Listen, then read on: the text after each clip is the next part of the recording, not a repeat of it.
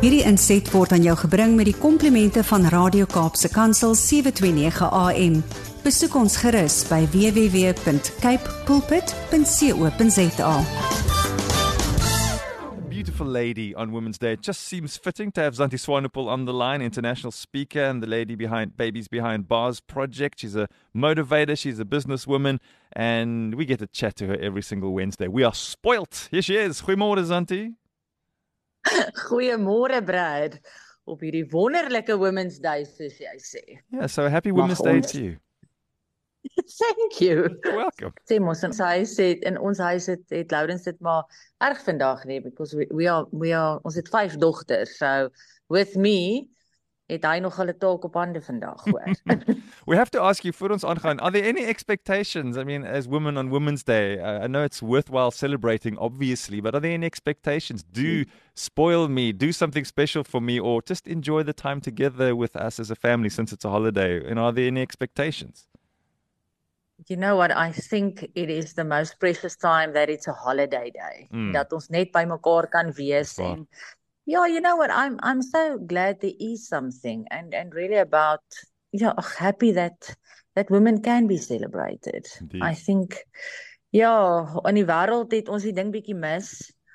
Um God, dis my so mooi Brad en dis jy's waar ek wil praat Ja, vanoggend, nee, asseblief. but for me it's it's not about getting recognition from from humans nee. Mm. Vandag is regtig vir my 'n dag where where God sees us. Dit is my so mooi in die Bybel. Ag, Brad, ek ek verwys baie keer daarna in my life group of as ons met 'n stap challenge besig is. Ek wil jou vir oggend vrou net weer bring na God se hart toe vir 'n vrou. Want dis waar ons eintlik ons recognition en ons ons lekker kry met gaan kry, nê? Nee, because humans cannot do what God can do for us and see us as he sees us want hy sien ons mos deur die filters. En dis my so kosbaar waar daar waar Jesus stap eendag en daar's 'n begrafnis. Hmm. And as he approaches this funeral, he sees the hy sien die die die kus waarin die die persoon natuurlik lê en dan dra mans die kus. En dan vertel hy hoe hy hoe hy dit sien. Hy sien die draers, hy sien die kus en dan sien hy die crowd, nê, nee, om dit. Niks raak hom nie. He sees this and he walks past them. But then he sees the mother crying. Oor haar kind wat gesterf het. He sees a woman and his heart breaks. Ek wil vanoggend vir jou sê, ek en jy as vrou en Brad net so vir julle, maar vandag's ons dag, né? But a woman has a very, very special place in God's heart. Because when he saw her, she didn't say a word. He saw her and she touched him in such a deep way that he raised his son out of death. Dis wie God vir my en jou is. Mm. Dit is my so mooi as ek vir die Here vra, but how do you see a woman en ek en ek kry net hierdie hierdie woorde wat sê he sees us with men equal in value yet unique in form and function. Is dit nie mooi nie? Dat ons is so verskillend van mans, but God sees us equal in value. Ag, dis vir my mooi. As as ek net ver oggend my Bybel lees en ek lees in Proverbs 31 verses 26, it says he opens her mouth with wisdom and the teaching of kindness is on her tongue. She dresses herself with strength and make her arms strong. Daar's net iets aan resilience as dit by 'n vrou kom en dis my so mooi as as mans dit ook raak sien en ek dink nie ons kan sonder mekaar nie dis nie one or the other nie. We were both made in the image of God. Maar vrou mag jy weet vandag dat die Here so ekstra special plekkie vir jou het in sy hart. En as jy bid he hears you.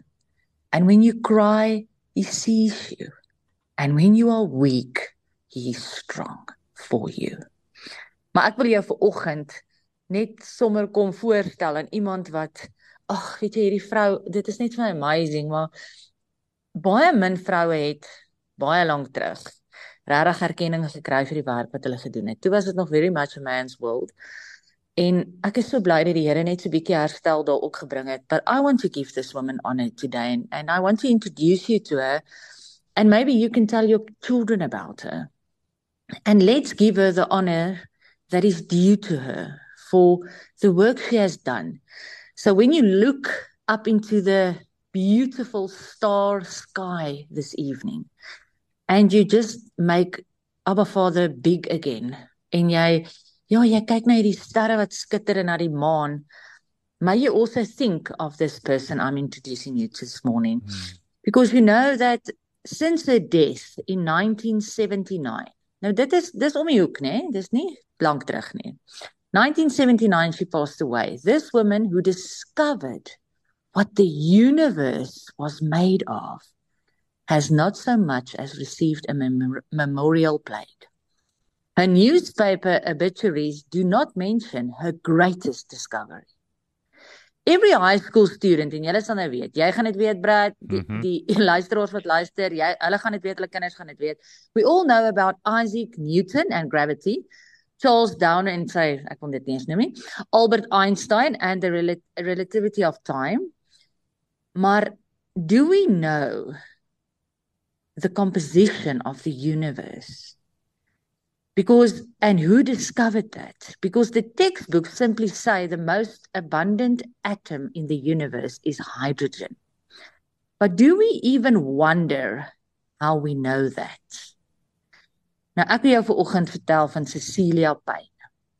Now Cecilia Payne's mother refused to spend money on her college education. So she won a scholarship to Cambridge. She completed her studies, but Cambridge would not give her a degree hmm. because she was a woman.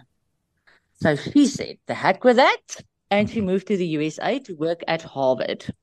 Hou daarvan. Vrouens is net partykeer net, weet jy wat is fine? I'll move on swiftly. Cecilia Payne was the first person to ever earn a PhD in astronomy hmm. from Radcliffe College in 1925 with what Otto Struve called in 1960 the most brilliant PhD ever written in astronomy. Not only did Cecilia Payne discover what the universe is made of, but she also discovered that the sun was made of. Henry Norms Russell, a fellow astronomer, is usually given credit for discovering that the sun's composition is different from Earth's. But he came to this conclusion four years later than Payne, after telling her not to publish her work. Hmm. Dit al met jou gebeur? Celia Payne is the reason we know basically anything about variable stars. Stars whose brightness as seen from Earth fluctuates. Literally every other study on variable stars is based on her work. Cecilia Payne was the first woman to be promoted to full professor from within Harvard and is often credited with breaking the glass ceiling for women in the Harvard Science Department and in astronomy, as well as inspiring entire generations of women to take up science. Cecilia Payne is awesome, and I think everyone should know her. Ek daag jou uit vandag vrou om 'n bietjie te gaan Google en bietjie op te lees oor haar werk en jou kinders te vertel van haar. Want jy sien as ons na die sterre kyk and we see the universe, we don't put her name next to that because she was a woman in that time. But I want to tell you maybe you feel like Cecilia Payne. Maybe you have done great things. Maybe you have done small things. And maybe most of the time you are overlooked. And honor is not given to you. Ek wil vandag vir jou sê, and that can be a male as well. Hierdie een, hierdie een is nie net vir vroue nie, hierdie een is vir almal. But I want to acknowledge you this morning that God knows and he sees. And the most amazing, life-changing, worth living awards will be given to us the day we stand in front, in front of his white throne. So mag jy weet vandag dat ek vir jou hande klap vir dit wie jy is en wat God deur jou doen. And may we notice life and notice those around us. And if we think that somebody is doing something extraordinary, or maybe just ordinary, but in a special way. May we notice, give gratitude, and clap our hands until it is our turn to. Amen. Hierdie inset was aan jou gebring met die komplimente van Radio Kaapse Kansel 729 AM. Besoek ons gerus by www.cape pulpit.co.za.